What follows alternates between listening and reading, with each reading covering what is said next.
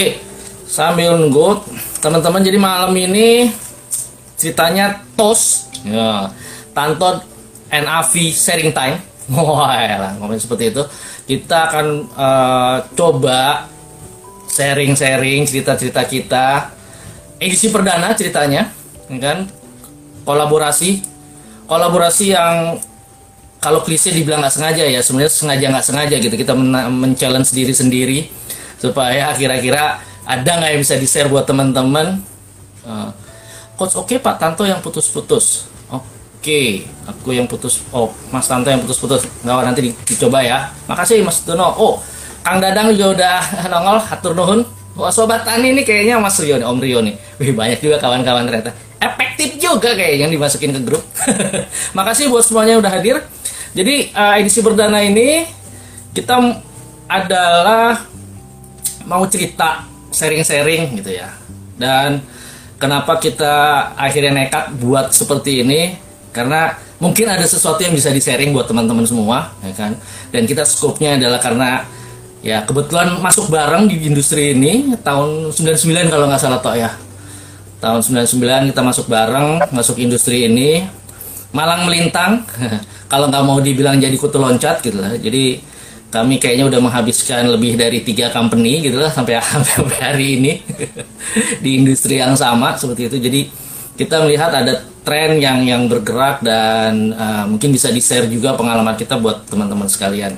Dan satu yang yang uh, hal ingin kita lakukan buat teman-teman adalah berbagi Kedua akan lebih seru karena apa? Sejak kami masuk bareng satu angkatan dan saya sama Tanto itu sering-sering lebih sering berantemnya kayaknya ya toh ya berantem dalam artian positif ya teman-teman. Arti berantem itu uh, beda pendapat karena secara karakter kami berdua beda gitu kan, backgroundnya juga beda gitu kan. Terus ngeliat sesuatu itu juga uh, selalu beda. Kalau setengah isi apa setengah kosong, akhirnya kita minum aja lah daripada ngeributin setengah isi setengah kosong gitu kan. Jadi uh, kita ngelihatnya nah ini yang yang membuat kita akan lebih kaya lagi. Itu yang kita uh, yakini.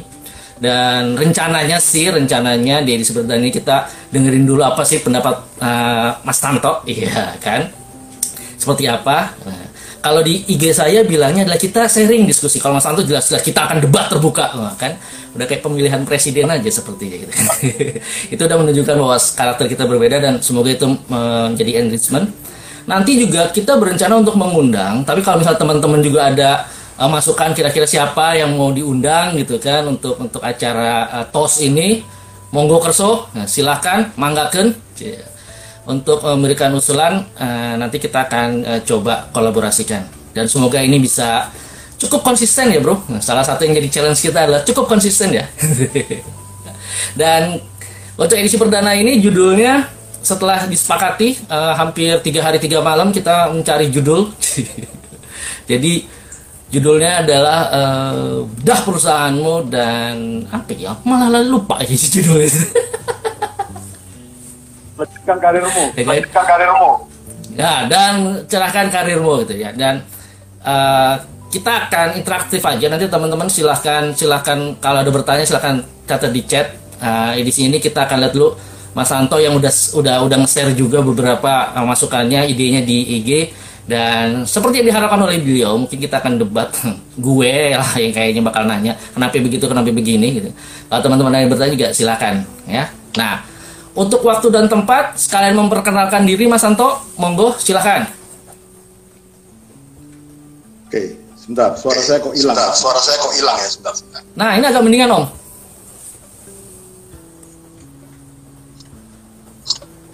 Halo?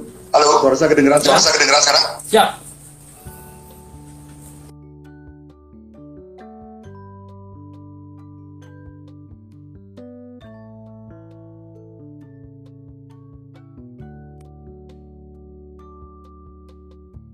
muter muter muter muter sekarang suaranya ada? Sekarang suaranya ada? Ya, siap, ada. Halo? Halo? Ya. Hanya agak putus-putus.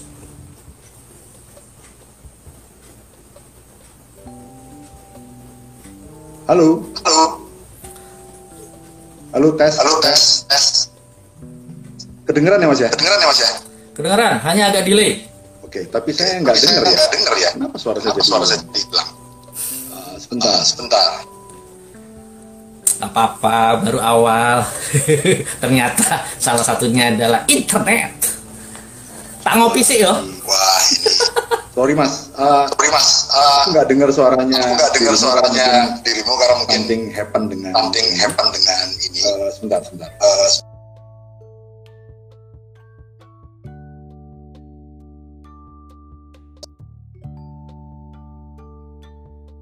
Kendala internet. Buat teman-teman Mas Heri, oh ya udah dengar. Makasih udah join. Kang Dadang, oh, anak-anak Siana nih. Mas Imron, oke, makasih Mas Santo. Ya kan, Sekarang udah? beberapa sekarang udah? mantap Oke. bro. Oke. Ya wis. Um, selamat Um, malam teman-teman. malam teman-teman. Assalamualaikum warahmatullahi wabarakatuh. Salam sejahtera. Salam sejahtera. teman-teman yang beragama lain. lain. Eh, Saya saya mengakui bahwa bahwa selama selama ketemu sama Mas Afi ini banyak beda pendapat karena karena basically Mas Afi ini orangnya sorry aku Sorry, ngomongnya jadi jadi tapi ya biar tapi ya teman-teman tahu teman-teman. Mas ini orangnya langsung ini orangnya langsung gitu. gerak begitu. sementara kalau aku Sementara kalau aku ya namanya ya namanya ya orang yang Nah, ini ya, orang yang tidak langsung berpikir gitu ya aku tidak berpikir kiri ya. karena Berpikir kiri karena dulu baru bergerak baru jadi dua tiga kali terakhir dua tiga kali terakhir ini ketemu sama udah kerasa udah mulai agak Kerasa udah mulai agak udah oke karena justru salahnya di situ salahnya di situ. Nah, saya nggak tahu saya punya saya nggak tahu. eh, saya punya dua perasaan ini gitu pada malam hari ini gitu. apakah Apakah Mas Dua Tanto orang. ada dua orang ada feedback kelihatannya. ada feedback ya ada feedback ya? Iya, agak bergema dan mantul. oh gimana per- Oh, per- Gimana permasalahannya ya? per- per- permasalahannya ya? Atau ditutup pakai ini aja Om, pakai headset. Bisa dicoba pakai headset. di lantai satu Di lantai satu. Waduh, di lantai satu. Wah. Ya, coba Pak Nanto. Atau nggak pakai mic extension, pakai eh, dari dari handphone aja. Biasa ya teman-teman. Mohon maaf, harap dimaklum. Oke, menggunakan satu mic saja katanya. Pakai mikrofon HP aja Pak, itu usulan.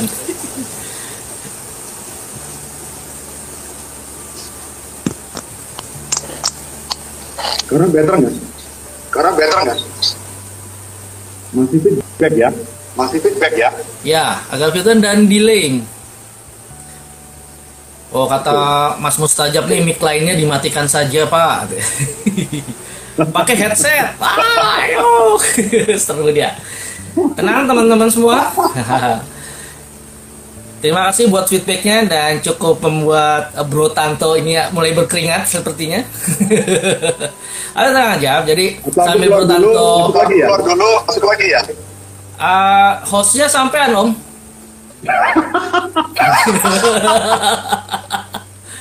Gak apa-apa, di, dicari aja di headsetnya kalau perlu perlu diambil. Aku ngobrol Oke. sedikit di sini sama teman-teman. Oke. ya wes sebentar Jadi, ya Ya bentar ya. ah, malam ini sebenarnya yang akan ki- kita bahas itu eh, berkaitan dengan eh, industri industri agrochemical, kan? Di mana kita lama berkarir eh, di situ. Dan Mas Bro Tanto ini mengamati karena beliau suka bermain dengan data juga mengamati bahwasanya ada tren yang terjadi. Ya kan nanti kita akan dengarkan di 20 tahun terakhir ini. Oh begitu menurut menurut beliau bahwasanya akan banyak perkembangan yang terjadi di agrochemicals ya kan terutama di perusahaan perusahaan global terutama. Buat teman-teman saya lihat juga ada malam Bro Arga Cie, biar kelihatan muda lah ya. Bro Agra Arga manggilnya aku. Ini jagoannya Jala. Oh congratulations ya buat jalannya Mas eh, Kang Agra Arga. Udah masuk tuh saya lihat di LinkedIn. Jadi salah satu perwakilan Indonesia. Keren keren keren. Salam buat teman-teman. Nah balik ke eh, industri kita lihat bahwasannya banyak merger. Ya kan kalau saya curi sedikit apa yang bilang Mas Tanto adalah banyak media yang terjadi di global, ya kan yang kita tahu mulai dari uh, diawali oleh Syngenta, ya kan oleh Agrochem, yang terakhir adalah Monsanto dibeli oleh uh, Bayer seperti itu, ya. Lah sebelumnya Corteva hasil dari merger mega merger Dupont dan uh, Dow AgroScience seperti itu. Nah, Bro Tanto udah balik nih. Silakan Bro dicoba. Sekarang sekarang bagus. Bagus. Agak sember suaranya sih. Menghina lu. Menghina lu. Tapi masih feedback ya? Tapi masih feedback ya? Feedback enggak, tapi agak sember om. Oke, yang penting nggak nggak nggak anu ya nggak apa? Nggak ada ekonya gitu ya? Nggak ada ekonya gitu ya? Nggak nggak hanya mungkin dideketin aja mikrofonnya. Siap. Siap. Oke. Okay. Oke. Okay. Um, aku um, ngerasa dua hal Mas Afi. Hal Mas Afi. Yang pertama, yang pertama kita ini berdua kayak ini berdua kayak senior yang udah terperangkap di sini udah, udah hampir di sini udah 25 tahun gitu. 25 tahun terus gitu. berusaha curhat sama teman-teman yang lain. Itu perasaan saya yang pertama. Itu perasaan saya yang Terus yang kedua terus, adalah yang kedua ada masih cuma katanya Om. oh ya? Oh ya? Iya. Double suaranya. Oh, Kang Arya atur nuhun tos dongkap Kang. oh, katakan de, uh, Mas Dede juga tuh suara masih double. Feedback, Pak.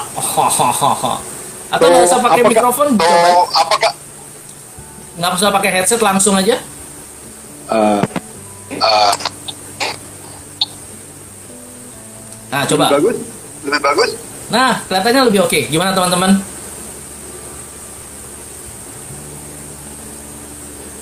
Oh, Pak Afi juga harus pakai headset. Baik. Saya diminta untuk pakai headset ya. Ah.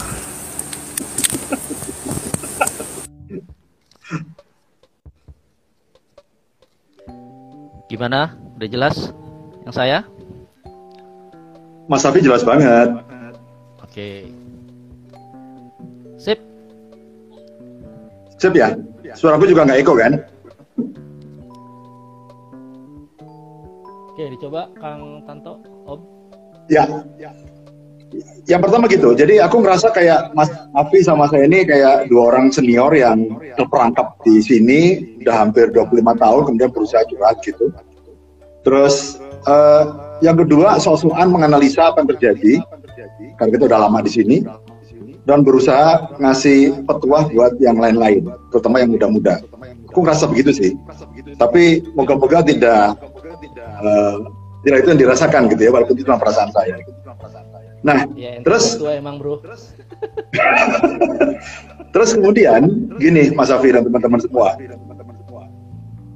aku dengar statementnya Mas Afi kayak Mas Afi lebih mempermasalahkan kejadiannya okay. jadi mergernya akuisisinya bangkrutnya kemudian ada yang stagnan gitu ya Aku sih nggak di situnya Mas Afi. Aku lebih kepada kenapa ya?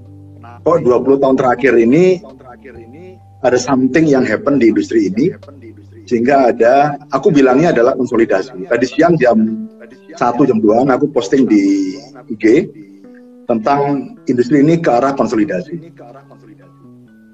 Ada teman yang nanya, e, maksudnya konsolidasi apa Pak? Mas, gitu maksudnya dirasionalisasi jumlahnya berkurang, banyak yang kolaps, banyak yang hilang, banyak yang putus, seperti itu, kesannya kan negatif banget gitu. Enggak. Konsolidasi yang gue maksud itu adalah perusahaan-perusahaan ini berusaha mencari peran. Ingin berperan sebagai A, ada yang berperan sebagai B, ada berperan sebagai C, atau bertukar peran, kalau kamu jadi C, aku jadi A. Atau kalau kamu jadi B, ya berpartner aku jadi D-nya gitu, seperti itu. Itu masuk dengan konsolidasi. Perkara itu nanti dilihat oleh publik. Bentuknya adalah ada yang dibeli sama si ini, ini diakuisisi sama si itu, ini merger sama si ini, yang ini bangkrut, yang ini stagnan, yang ini nggak dapat suntikan injeksi dana baru gitu. Itu penampilannya. Tapi menurutku akar permasalahannya dalam mereka berusaha untuk konsolidasi mencari peran um, saya tadi menyinggung mengenai bisnis model yang dari Alexander Osterwalder. Saya tahu ini sekitar 4-5 tahun yang lalu. Dan ada satu pola di bisnis model Osterwalder ini yang namanya Baik, kelihatannya unbundling atau atau terurai. Halo, Mas.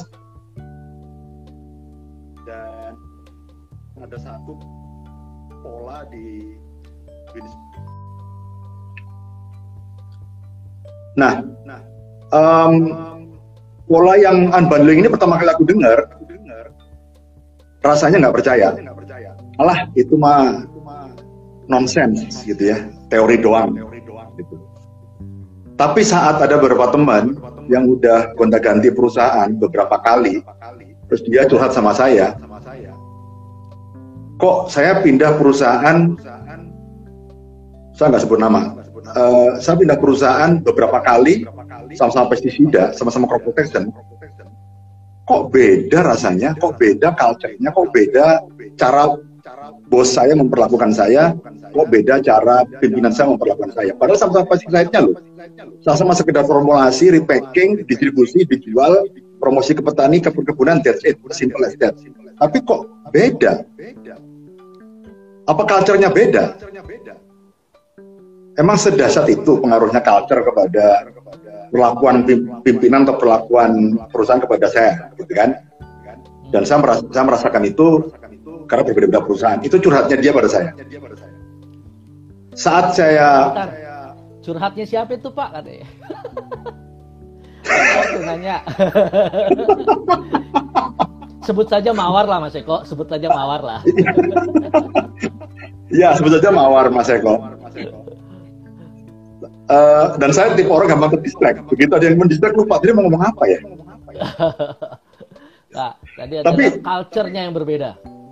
Nah, terus kemudian setelah saya cermatin, ternyata bukan karena culture Mas Abi, bukan karena culture. Oke. Okay.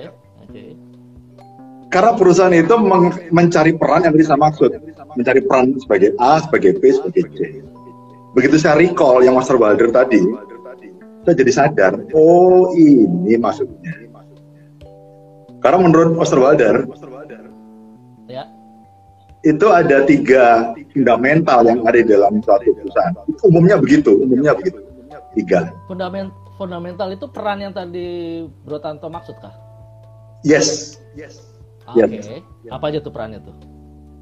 Pertama, fundamental yang ingin mengedepankan mengenai bikin relationship yang baik dengan mitra-mitra bisnisnya.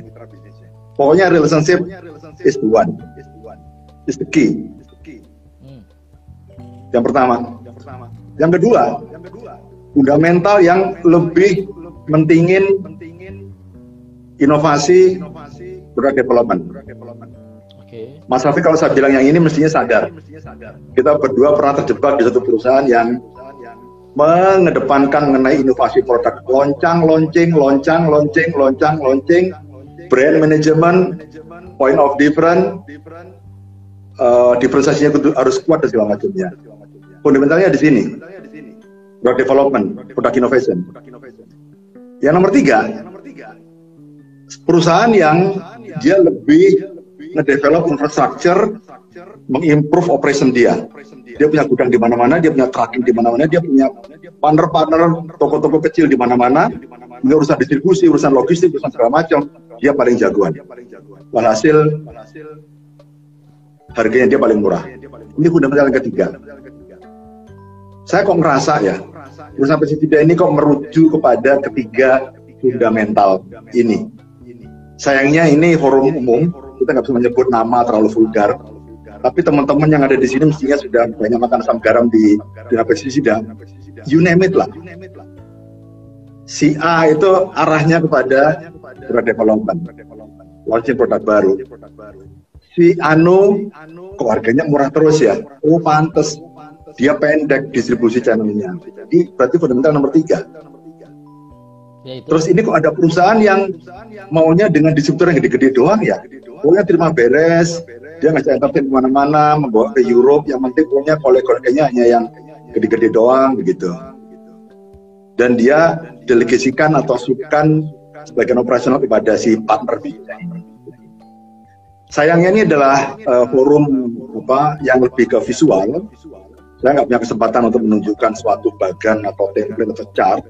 Tapi punten kalau teman-teman sempat uh, punten dibuka yang postingan tadi siang jam satu atau jam dua siang mengenai bisnis model uh, unbundling atau terurai.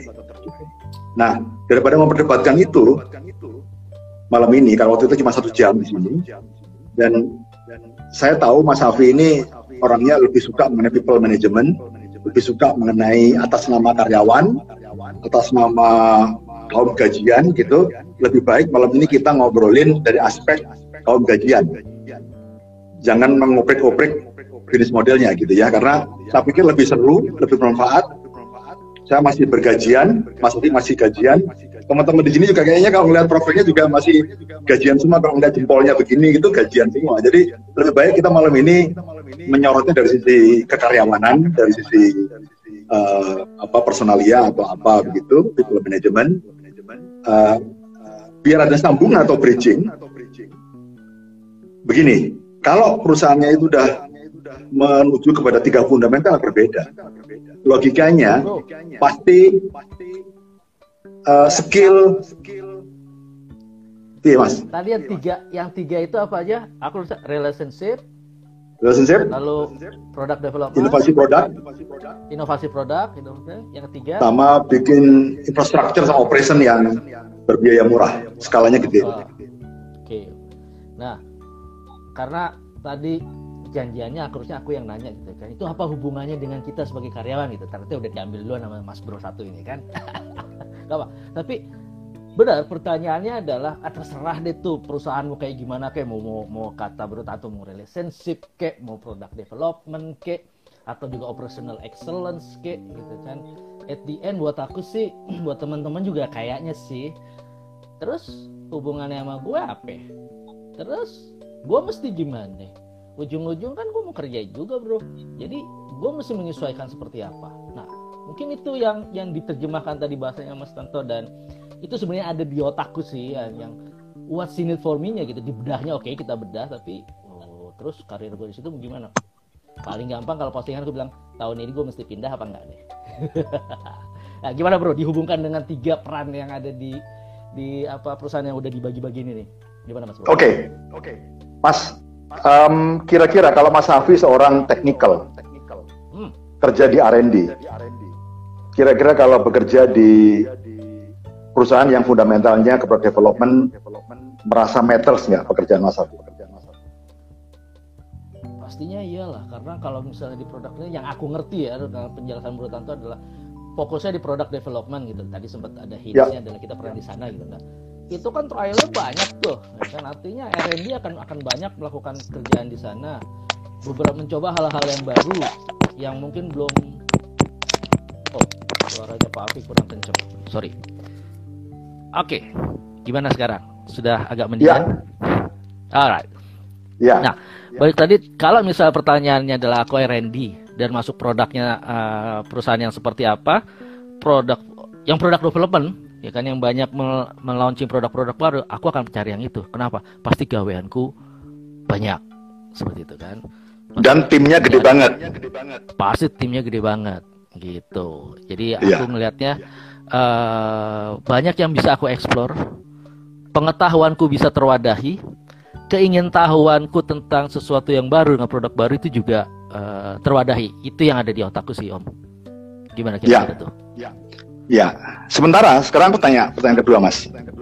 Hmm. Pak Afi jadi orang R&D lagi, tapi di perusahaan yang fundamentalnya adalah punya produk generik, costnya paling murah, harganya paling murah, dia bypass satu dua layer sampai ke petani. Hmm. Kira-kira timnya Mas Afi sebagai R&D head di situ bakal banyak apa enggak? Ekspertisnya bakal lebih dalam atau enggak? Menurutku nggak sedalam yang di perannya tadi produk ya yang kedua itu yang menurut Bro Tanto bilangnya seperti ya, itu gitu ya. Ya, kan? ya sekarang pertanyaan terakhir mas hmm. perusahaan yang fundamental adalah perusahaan yang fundamentalnya adalah relationship matters nggak sebuah R&D head di situ? Pertanyaanku relationship ini relationship ke siapa ya bro ya? Oke. Okay. Seperti sourcing dari perusahaan dari India sama dari Cina.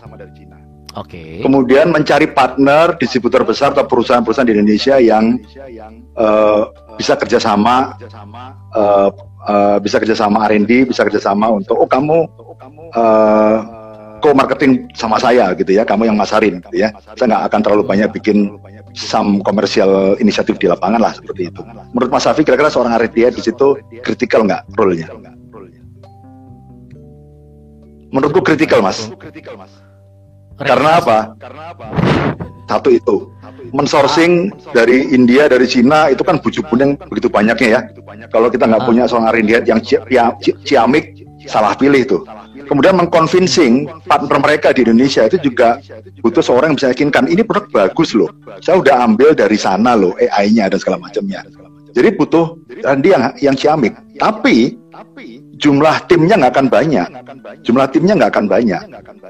Okay. Nggak seperti saat bekerja R&D yang bekerja di perusahaan yang fundamentalnya adalah product innovation. Bener nggak mas? Ya, make sense. Tapi nah, itu jadi menimbulkan pertanyaan buat buat aku adalah sebenarnya ciri-cirinya masing-masing peran itu apa aja, bro? Um, um, pertanyaan yang bagus tapi susah untuk dijawab. Ah. Kok susah? Wong sampean udah bagi dari tiga nih. Karena apa yang udah uh, yang udah aku lakukan adalah menemukan perbedaannya tapi nggak menemukan ciri-cirinya detailnya seperti apa gitu ya di di di, di dunia nyata. Tapi gini mas, um, alih-alih kalau kita mau memperdebatkan bahwa ciri-cirinya adalah rambutnya gondrong, kumisnya tebel, uh, topinya coklat atau apa begitu ya. Ini lebih kepada kita punya sense, kita punya sense. Kalau merujuk kepada gini, contoh perusahaan yang uh, fundamentalnya adalah product innovation, itu pasti duitnya atau selling costnya atau investasinya itu banyak ditaruh di R&D, okay. di paten. kalau ngomongin ngomongin innovations itu masuk ke peran yang kedua tadi kalau versi ya. Tante tadi yaitu uh, ya. product development ya yes. oke okay, siap yes. Okay. Nah, kalau perusahaan yang fundamentalnya lebih kepada infrastruktur, operation yang gede, sehingga dia dapat economic of scale, sehingga bisa murah semua operationnya, sehingga harga dia bisa sangat terjangkau di luar sana, di bawah sana, pasti dia akan invest lebih pada pergudangan, tracking, sistem untuk men-tracking uh, barangnya dia, dan segala macamnya untuk meminimize aging inventory, untuk meminimize, mengimprove mereka punya managing AR-nya segala macam. Mereka pasti akan invest duitnya di sistem untuk itu. Sebaliknya, Apakah sistem itu berarti akan uh, ekuivalen bahwasanya sistem adalah teknologi yang dipakai? Bisa jadi, bisa jadi. Hari gini kita mungkin dengar ada beberapa perusahaan-perusahaan yang sudah invest uh, bagaimana men-tracking produk dia saat diperjualbelikan dari le level 1 ke level 2 ke level 3. Ya kan? Bahkan ada sistem QR code, ada sistem scan, ada pakai scan uh, segala macamnya gitu ya. Dan mereka juga udah invest di situ. Itu pasti perusahaan yang ingin mengimprove dari sisi operational, dari sisi operation sehingga bisa mengontrol semua aspek logistiknya dan segala macamnya. Nah, contoh satu lagi, kalau perusahaan yang uh, fundamentalnya di, adalah di adalah di relationship, pasti investasi dia atau uang dia itu banyak kan jatuhnya ada di networking, ikut pameran di sana, ikut pameran di sana, atau mengapproach perusahaan-perusahaan di sebelah sana, mengentertain yang di sebelah sana, punya kolega-kolega bisnis di Indonesia, diajak tur ke Eropa setahun empat kali, misalnya seperti itu. Karena kuncinya adalah bagaimana dia punya akses tunggal, hak tunggal, hak distributor tunggal uh, di situ. Jadi dia harus mati-matian di improve relationship. Kalau pergi ke Sumatera Utara, nggak mungkin Bapak tidak menggunakan jasa saya. Karena saya yang punya relationship terbaik di Sumatera Utara. Semua toko-toko R1 di Sumatera Utara. Sama juga kalau Bapak mau uh, dari prinsipal formulator pesisida mau melebarkan sayap ke Sulawesi Selatan atau ke Sulawesi Tengah, ya nemunya saya gitu ya di kota Makassar karena saya yang punya jaringan dengan toko-toko R1 di sini. Gitu sih contohnya sebetulnya. Siap dan ini malam Mas Adi, makasih udah join dan komentarnya ada langsung masuk nih bro. Perlu supply chain head yang handal. Nah, just intermezzo buat teman-teman kalau ada yang baca postingan saya di uh, Instagram, nah, challenge dan celeng. Nah, nanti kapan-kapan kita undang ya Mas Adi ya untuk membahas apa bedanya challenge dan celeng gitu ya. Tapi benar yang dibilang uh, di komen Mas Adi nih, begitu masuk ke operational excellence berarti supply hand supply chain headnya juga mesti handal ya Om ya? Iya betul betul gitu. Dan itu saya nggak mengatakan bahwa perusahaan itu akan digolongkan menjadi tiga golongan. Oh kamu kelompok satu tuh katanya Tanto masuk kelompok yang product innovation gitu kan oh kalau ini perusahaan kelompok dua gitu nggak seperti itu juga sih karena ada juga ini kan masalah fundamental ini kan masalah pilihan mas ya bukan masalah salah atau benar ini hanya masalah hmm. pilihan dan yang kedua adalah masalah kalau saya seorang founder atau saya, saya seorang owner dari perusahaan itu, itu hanya menentukan kira-kira kalau saya punya uang, saya akan invest ke arah mana? Apakah lebih invest untuk mendevelop tim sales dan marketing saya agar punya hubungan yang sangat ciamik dengan customer atau dengan mitra bisnis, atau saya, saya taruh uang saya di uh, eh, R&D untuk ngedevelop hal-hal baru, menemukan solusi-solusi baru. Kalaupun saya nggak punya AI, saya punya teknologi penyemprotan, saya punya teknologi drone, saya punya teknologi uh, paket uh, pestisida dengan pupuk apa gitu ya. Saya akan invest uang saya di situ atau uang saya saya taruh di uh, invest ke sistem. Sistem tracking logistik, uh, saya harus beli truk atau saya membangun anak perusahaan untuk bikin distribusi sendiri. Mungkin Mas Hafiz juga tahu ada sebuah perusahaan yang punya jaringan toko-toko R1 di seluruh pelosok Jawa. Saya nggak usah sebut nama ya depannya F. Nah, seperti itu. Itu contoh-contoh perusahaan yang uh, apa namanya investasi lebih kepada logistik, uh, operations atau atau infrastructure untuk menekan harga. Coba Mas Safi pergi ke toko yang tadi depannya F tadi itu. Hmm. Coba cek barang-barang fast moving di situ. Barangnya Mas Safi dulu pun barang saya sekarang. Pasti paling murah. Kenapa? Karena dia belinya adalah nawarnya langsung segabrek 20 ton tak beli berapa harganya terbaik dari dari kamu Mas Tanto gitu ya atau dari Mas Safi gitu ya. Itu economic of scale gitu ya. Jadi dia investasi ada di situ. Nah uh, ini saya mengatakan tiga ini bukan berarti ada mengkotak-kotakkan kamu kubu perusahaan fundamental ini kamu perusahaan fundamental ini kamu perusahaan fundamental ini udah jangan ganggu-gangguan nggak gitu juga. Ini lebih kepada bagaimana seorang founder, seorang owner, seorang investor atau seorang director perusahaan itu memilih kalau saya punya uang satu juta, saya taruh mana ya uang ini? Apakah untuk mengimprove operation saya atau mengimprove R&D saya atau mengimprove relationship saya dengan customer saya? Kadang-kadang ada perusahaan yang memakai dua fundamental, ada loh. Inovasinya ya iya, dia juga improve relationship-nya. Ya. Bahkan ada perusahaan pestisida mas yang tiga-tiga fundamental dimakan semua sama dia. Tapi pinternya dia adalah yang ini jadi bisnis unit tersendiri. Kalau Mas Hafi masih ingat waktu kita bekerja di perusahaan namanya M awal-awal dulu waktu habis lulus. Mas Hafi masih ingat kan perusahaan itu membentuk suatu anak perusahaan yang depannya B. Fokusnya adalah kepada logistik, operation dan uh, infrastructure, distribusi, ya kan? Sementara yang perusahaan anak perusahaan yang depannya M lebih kepada R&D, lebih kepada uh, product development seperti itu. Jadi boleh-boleh aja asal uh, tiga fundamental jadi satu di dalam satu perusahaan, asal ada bisnis unit yang berbeda atau ada anak perusahaan yang berbeda dengan masing-masing punya dikasih delegasi yang uh, uh, optimum untuk mengatur masing-masing. Otherwise pasti gontok-gontokan. Kalau punya uang satu M pasti gontok-gontokan.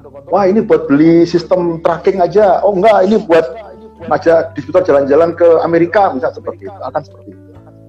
Itu sih Mas Oke. Okay. Eh, nah, itu kan dari sisi kalau kita mau invest ya. Kita dari sisi kita mau punya jadi owner atau kita mau perusahaan sendiri karena banyak juga nih, ya kan. Covid mempercepat banyak teman-teman kita yang yang akhirnya berani untuk melangkah dan menjadi owner seperti itu kan? Golden kan di mana-mana merger itulah tadi aku bilang merger itu juga menghasilkan para pengusaha baru ya kan? Mereka juga kan mestinya harus memilih salah satu nggak mungkin tiga-tiganya. Uang duitnya main sak monotok gitu kan? Seperti itu. Itu yang ada di otakku sih. Ah, bro. Yang kedua adalah oke okay, buat teman-teman yang masih berkarir deh kan? Ngelihat apa yang udah dibagi dengan fundamental yang berbeda sebenarnya aku cocok apa enggak ya? Aku ini modelnya seperti apa ya kalau seperti itu kayak tadi misalnya Bertanto bilang seorang R&D kalau seorang R&D aku mungkin mengingat teman-teman R&D ku gitu kan kalau melihat apa yang dijelaskan fundamentalnya Bro Tanto, pasti aku akan milih cari perusahaan yang oh yang lagi mau mengembangkan sesuatu yang baru dong nih. Kenapa? Aku timku gede, ya kan? Tapi uh, banyak yang dikerjakan juga melihat sesuatu yang baru seperti itu. Nah, itu kan dari R&D, Om, ya kan? Contohnya seperti itu. Yang aku pahami. Kalau misalnya masuk relationship, berarti harus harus juga berhubungan dengan orang. Mungkin dia harus berhubungan juga dengan eh, customer-customer uh, yang lain. Berarti aku trialnya melihat sesuatu yang baru agak berkurang, nah, seperti itu. Lalu kalau misalnya yang tadi operasional harus cari resources segala macam. R&D berarti Mas Tanto bilang tadi harus ke China ngelihat juga bahan-bahan yang ada segala macam ya kan? Di sana di compare ke sini seperti itu. Lalu mungkin juga harus registrasi seperti itu. Nah pertanyaanku adalah kalau misalnya aku nih ya kan? Flashback lah lima tahun atau tujuh tahun yang lalu 10 tahun yang lalu lah. Meloncat lagi nih kan? Perusahaan seperti apa sih yang yang menurut Bro Tanto cocok buat aku um, nah uh, ya itu juga salah satu salah satu hal yang bisa kita pakai untuk menerapkan konsep atau teori ini mas artinya uh, gini, uh, Mas Hafib merasa nggak bahwa teman-teman kita dulu uh, di tempat yang lama gitu, begitu usaha sendiri, itu culture atau behavior product innovation-nya masih dibawa satu saya sendiri. Kerasa nggak mas? Ya. Hmm. Ya kan? Kita memvalidasi produk, oh hanya jualan produk yang paten gitu ya, segala macamnya Padahal mazhab itu, fundamental itu adalah saat kita bekerja di perusahaan X gitu. gitu. Saat kita bekerja sendiri, kita masih membawa fundamental itu. Padahal perusahaan yang kita bikin sendiri, usaha sendiri kita ini kan berbeda dengan perusahaan tempat kita kerja dulu kan, gitu ya. ya. Nggak harus pakai validasi produk yang super sohe, harus sekian ulangan segala macamnya kan. Banyak teman-teman kita yang berhasil uh, membuka usaha toko pertanian, itu karena dia menaruh investasi lebih kepada aspek hubungan baik. Hmm. Dia ajak toko-toko kecil yang ada di pelosok uh, piknik tamasya ke mana ke Jawa Tengah gitu ya. Setelah itu dia punya jaringan. Oh, saya sebagai R1, saya punya R2, 10 orang, 15 orang gitu kan. Dia berhasil mengembangkan usaha uh, toko pertanian setelah pensiun dari perusahaan itu. Kenapa? Dia nggak terbawa oleh fundamental tempat dia bekerja dulu yang product innovation. Dia tahu bahwa ke depannya usaha dia ini lebih baik kalau dengan kondisi market seperti ini adalah uh, invest lebih banyak kepada uh, jaringan bisnis gitu kan atau hubungan baik gitu. Atau ada juga uh, teman-teman kita yang buka usaha toko pertanian berhasil karena apa? Dia beli mobil pickup dua, satu buat dia disetirin, satu lagi buat adiknya yang juga butuh usaha dan dia ngampas ke daerah-daerah yang lebih dalam-dalam dan dia survive. Dan dia jaringan gara-gara itu. Berarti dia fundamentalnya lebih kepada aspek uh, logistik. Dia beli mobil uangnya dipakai buat beli mobil mobil pickup dan dia uh, menyisikan uangnya untuk menggaji uh, sopir tambahan untuk itu. Begitu. Maksud saya adalah uh, kita kalau kita tahu uh, mazhabnya perusahaan tempat kita bekerja seperti apa kita tahu itu sekedar fundamental di tempat kita bekerja tapi ya jangan langsung merta kita bawa mentang-mentang dulu kerja di pesisida, sekarang usahanya juga toko pesisida, kemudian semua dari perusahaan yang lama dibawa semua ke situ. Nggak seperti itu juga kali. Ya. Dan pertanyaan Mas Safi yang kedua, kalau bicara gaya gayaku seperti ini, seperti saya misalnya, saya uh, dulu bekerja pertama kali di Dapok sebagai marketing. Dapok sebagai marketing. Yang namanya marketing eksekutif ya zaman dulu ya. Tapi kan sebenarnya kan ujung-ujungnya kan uh, Mas Hafi tahu lah ya bikin promosi ini, bikin demand creation ini segala macamnya. Begitu saya bekerja di perusahaan yang berikutnya, yang mazhabnya lebih kepada punya gudang, datengin barang dari Cina dengan harga murah, saya bawa konsep-konsep saya dari perusahaan sebelumnya yang sok-sokan marketing itu gagal total, gitu ya. Ujung-ujungnya adalah uh, stok numpuk di gudang dan saya juga nggak tahu mengatur cash flow, saya nggak tahu mengatur inventory di gudang saya dan segala macam. Jadi sebenarnya bukan karena kita ke customer gaya saya adalah gaya product innovation, maka saya kalau cari kerjaan adalah harus cari kerjaan yang sesuai dengan gaya saya. Nggak begitu menurut saya, tapi bagaimana kita menjadi bunglon, jadi bunglon.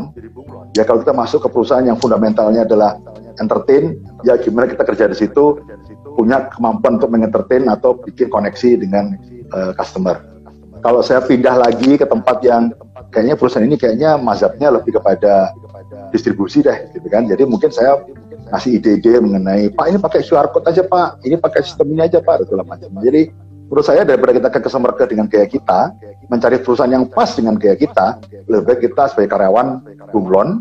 Toh itu juga mudah hanya mengubah mindset saja. Menurut saya gitu sih Mas Abi Oke Pertama mazhab. Mazhab itu maksudnya fundamental tadi ya, yang ada ada tiga yes. itu ya, Tata ya. Betul. Okay. Betul. Karena kalau mazhab nanti ada mazhab Syafi'i apa yang lain ya. Oke, kedua, aku nah ini masuk mungkin yang dibilang tadi agak-agak eh, debatnya sih. Aku agak kurios dan pengen jauh lebih dalam sebenarnya pada saat kita harus menjadi bunglon. Nah, kan? Artinya apakah kita harus uh, beradaptasi dengan mereka walaupun itu kita tidak sesuai. Contoh misal kayak tadi, tidak semua orang bisa uh, melakukan entertain, ya kan?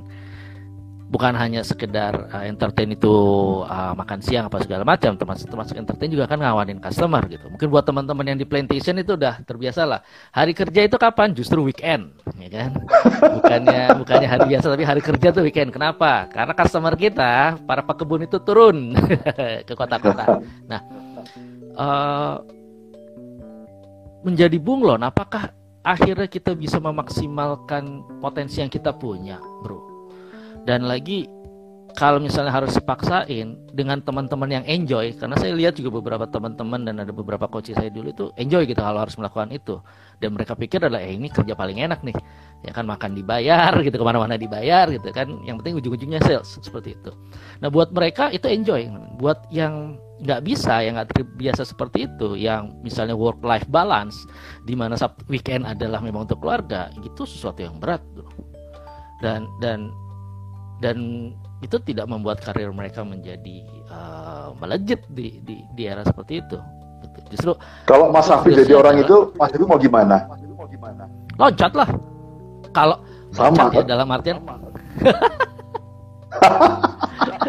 oh, oke. Okay. Ya enggak? Hmm. Nah, ini ada ada wow, Mas Rio, aku nggak kelihatan banget dari sini karena aku bukan hostnya uh, Om Tanto. Mungkin uh, tadi ada dari Sobat Tani, kayaknya menarik nih. Karena sekarang tinggal empat mas, uh, yang tapi kan ini kita bicara industri pestisida ya, jadi sisinya bukan cuma empat atau lima the big four itu gitu ya. Kita harus juga angkat topi buat teman-teman uh, pengusaha lokal, entah dari Indonesia, entah ada tetangga sebelah dari Malaysia yang membawa investasi ke sini dan menjadi perusahaan generik yang cukup diperhitungkan. Jadi sebenarnya uh, kita tidak skop kita bicara tidak hanya sekedar yang MNC doang yang cuma 4 atau 5 situ, tapi juga kita bicara industri pestisida yang isinya ada belasan atau puluhan perusahaan lokal. Itu sih Mas Afi. Oke. Oke, aku lagi lagi coba baca yang ini pertanyaannya oh konsolidasi ya baik. Nah uh, buat buat tadi bisa pertanyaan uh, balik dari Mas Bro nih. Kalau kondisinya seperti itu kita loncat ya kan? Nah. Loncatlah. Ya kan? Tapi kan kita pada saat masuk kita nggak tahu dia modelnya kayak gimana. Gitu loh. Maksudku kenapa tadi aku tanya ciri-cirinya adalah kalau tadi yang kalau misalnya uh, aku tangkap relationship. Berarti akan banyak hubungannya dengan mereka menjaga uh, menarik hubungan dengan customer segala macam seperti itu ya. Kalau udah kita bayangkan yang kebayang sama aku adalah begitu berhubungan dengan customer berarti kita banyak bahasa aku adalah kongko dengan mereka relationship hubungan dengan lebih dijaga produk knowledge mungkin belakangan gitu. Yang penting gimana hubungan kita kedekatan kita gimana seperti itu ya kan? Dan akhirnya uh, waktu-waktu lebih lebih benar-benar customer oriented lah. Ini personal customer oriented lah. Modelnya seperti apa gitu kan. Banyak banyak uh, uh, dealer atau distributor lah ya yang yang modelnya seperti itu. Bisa benar-benar benar-benar hubungan yang, yang hubungan yang dijaga. Dan teman-teman yang keluar pun lihat yang akhirnya usaha usaha sendiri di industri kita yang sama ini itu juga banyak terbantu karena relationship itu. Jadi aku dapat dapat insight bahwasanya kalau aku mau kerja nih ngelihat perusahaan oh dia lebih banyak entertainnya. Atau tadi jalan-jalan gitu kan setahun bisa berapa kali? Empat kali nah mungkin itu lebih lebih relationnya lebih tinggi ya. Artinya uh, mungkin produk produknya nggak terlalu tapi gimana kita spending waktu dengan customer itu yang lebih. Aku boleh simpulin kayak gitu nggak bro? Untuk yang relationship. Iya, ya seperti itu. Uh, tapi aku kalau boleh nanggapin mengenai tadi yang Mas Hafi kayaknya uh, mengatakan orang yang suka kutu loncat itu kayak nadanya tadi kayak nada kayak agak sedikit sinis gitu ya. Gak sinis. Aku mau bilang bahwasanya bukan milenial saja yang kayak gitu. Gen X juga. ya, tapi gini Mas, Mas Safi kan bola-balik menginterview orang kan ya. Hmm. Kalau lihat CV-nya orang yang dua tiga tahun ganti perusahaan, dua tiga tahun ganti perusahaan bagi Mas Hafi yang sudah berpengalaman menginterview orang, lebih mementingkan jumlah perusahaan di dalam CV-nya atau lebih mementingkan story kenapa dia shifting? Kalau di interview aku lebih tanya adalah uh, kenapa story-nya. Ya. itu. Dan apa yang terjadi? Dan aku sepakat dengan Mas Hafi. Aku lebih seneng membahas story kenapa dia loncat dari perusahaan A ke perusahaan B, perusahaan B, perusahaan C gitu. No matter dia seperti kutu loncat gitu. Dan itu akan kelihatan loh mas. Uh, dia mengarang cerita, mereka cerita yang baik-baik dari CV dia, kenapa dia pindah atau enggak. Kita kalau punya jam terbang tinggi untuk interview pasti akan bisa membaca membaca itu gitu. Dan aku pernah amazed dengan seorang kandidat yang perusahaannya udah banyak banget. Tapi the way dia telling the story, aku pindah Pak dari sini ke sini, karena ini gini gini gini ini ke situ karena kayak gini ini dan setiap kali dia cerita shiftingnya kenapa itu nggak ada negatif story. Bisa kan saya bertengkar sama bos saya saya ada konflik dengan teman-teman saya nggak ada sama sekali. Dia merangkai cerita penyebab dia pindah adalah something yang hubungannya dengan uh, culture perusahaan. Perusahaan saya sebelumnya menjual rokok pak. Culture-nya di sini merokok begini begitu begini begitu. Dan di sana saya uh, harus mengerjakan sesuatu yang sangat detail di belakang meja sementara saya ingin punya exposure ke luar sana. Ada story yang bagus. Jadi menurut saya nggak perlu khawatir untuk meloncat sih mas. Asal bisa merangkai cerita yang baik the reason story behind dia pindah yang bisa convincing SR manager yang menginterview. Itu sih menurutku.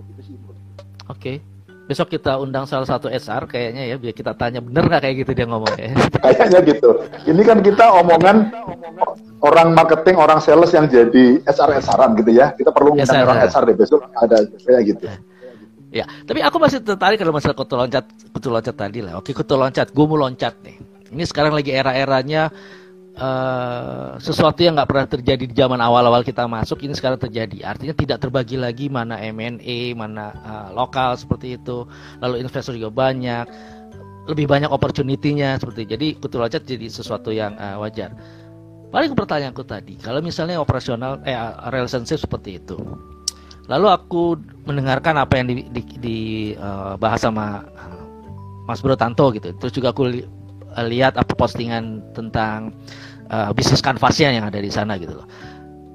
Kalau untuk operasional artinya dia uh, mungkin invest banyak di operasional seperti itu. Juga termasuk teknologi. Mungkin dia menggunakan tadi Mas Tanto bilang ada barcode seperti itu. Berarti orang yang dibutuhkan nama dia kalau dia akan menarik employee dengan kompetensi yang berbeda artinya ya. Dengan Iya. kalau betul. Nah, arti kalau betul, dibalik begitu. sekarang, kalau misalnya dibalik berarti apakah kalau aku teknologi savvy, aku senang dengan apps, aku senang otak atik, aku nggak terlalu banyak ketemu sama orang. Perusahaan yang masuk ke operational excellence di kategori tadi fenomena ketiga atau masuk ketiga itu tadi, apakah itu jadi cocok buat aku yang model modelnya misalnya seperti itu? Iya, kayaknya ke arah situ. Kayaknya ke arah situ. Karena Mas Afi bayangkan lah, bisnis pestisida ini konsumen akhirnya jutaan. Layernya ada 3, 4, 5 layer. Setiap layer itu ada risiko. Ada risiko barang rusak, ada risiko barang retur, risiko barangnya hilang dan segala macam. Yang kebayang nggak kita mau apa namanya berusaha untuk mengambil untung cuma seribu perak per botol misalnya seperti itu ya itu berarti kan benar-benar efisien tuh pergudangannya harus benar-benar minim itu eh, buang-buang duit untuk aging inventory dan segala macamnya itu kalau nggak punya sistem tracking yang piawai ya nggak akan bisa dapat uh, seperti itu dan itu butuh butuh butuh investasi untuk membuat suatu sistem membuat suatu apa namanya suatu ya aplikasi untuk men-tracking segala macamnya jadi jawabannya okay. iya mas Jawabannya iya. Berarti kalau misalnya sebagai employee, ya kan aku akan uh, kalau aku tidak punya keinginan untuk menggunakan sistem, artinya aku benar-benar sales multi yang ya semuanya terserah gue. Yang penting lu gak usah gak usah tahu gimana caranya, ya kan? Yang penting sales tutup, target tutup. Jangan tanya detailnya. Karena biasanya yang yang jago-jago seperti itu di field jago itu reporting, masukin data ke sistem itu berat buat dia itu kan hidupku akan miserable gitu kalau harus dilakukan seperti yang penting kan sales tutup nah mungkin itu nggak cocok ya untuk yang uh, ke perusahaan yang banyak menerapkan operasional gitu ya kalau aku ngebayang ya, tapi gini, tapi gini. Uh, Mas Safi itu mengingatkan aku pada seseorang di masa lalu gitu ya yang mengatakan nggak boleh ada satu tetes liter pun yang masuk ke proyek KUT gitu. Mas Safi mungkin masih ingat orang itu siapa. Tapi um, kalau mengenai uh, yang penting tercapai target tutup sales nggak peduli gimana caranya aku tunggu di akhir bulan itu gaya fundamental perusahaan atau gaya leadership seseorang mas kalau aku sih kayaknya kalau yang itu tuh itu lebih kepada leadership stylenya YBS gitu ya bukan fundamentalnya sebuah perusahaan. Itu sih kalau menurutku.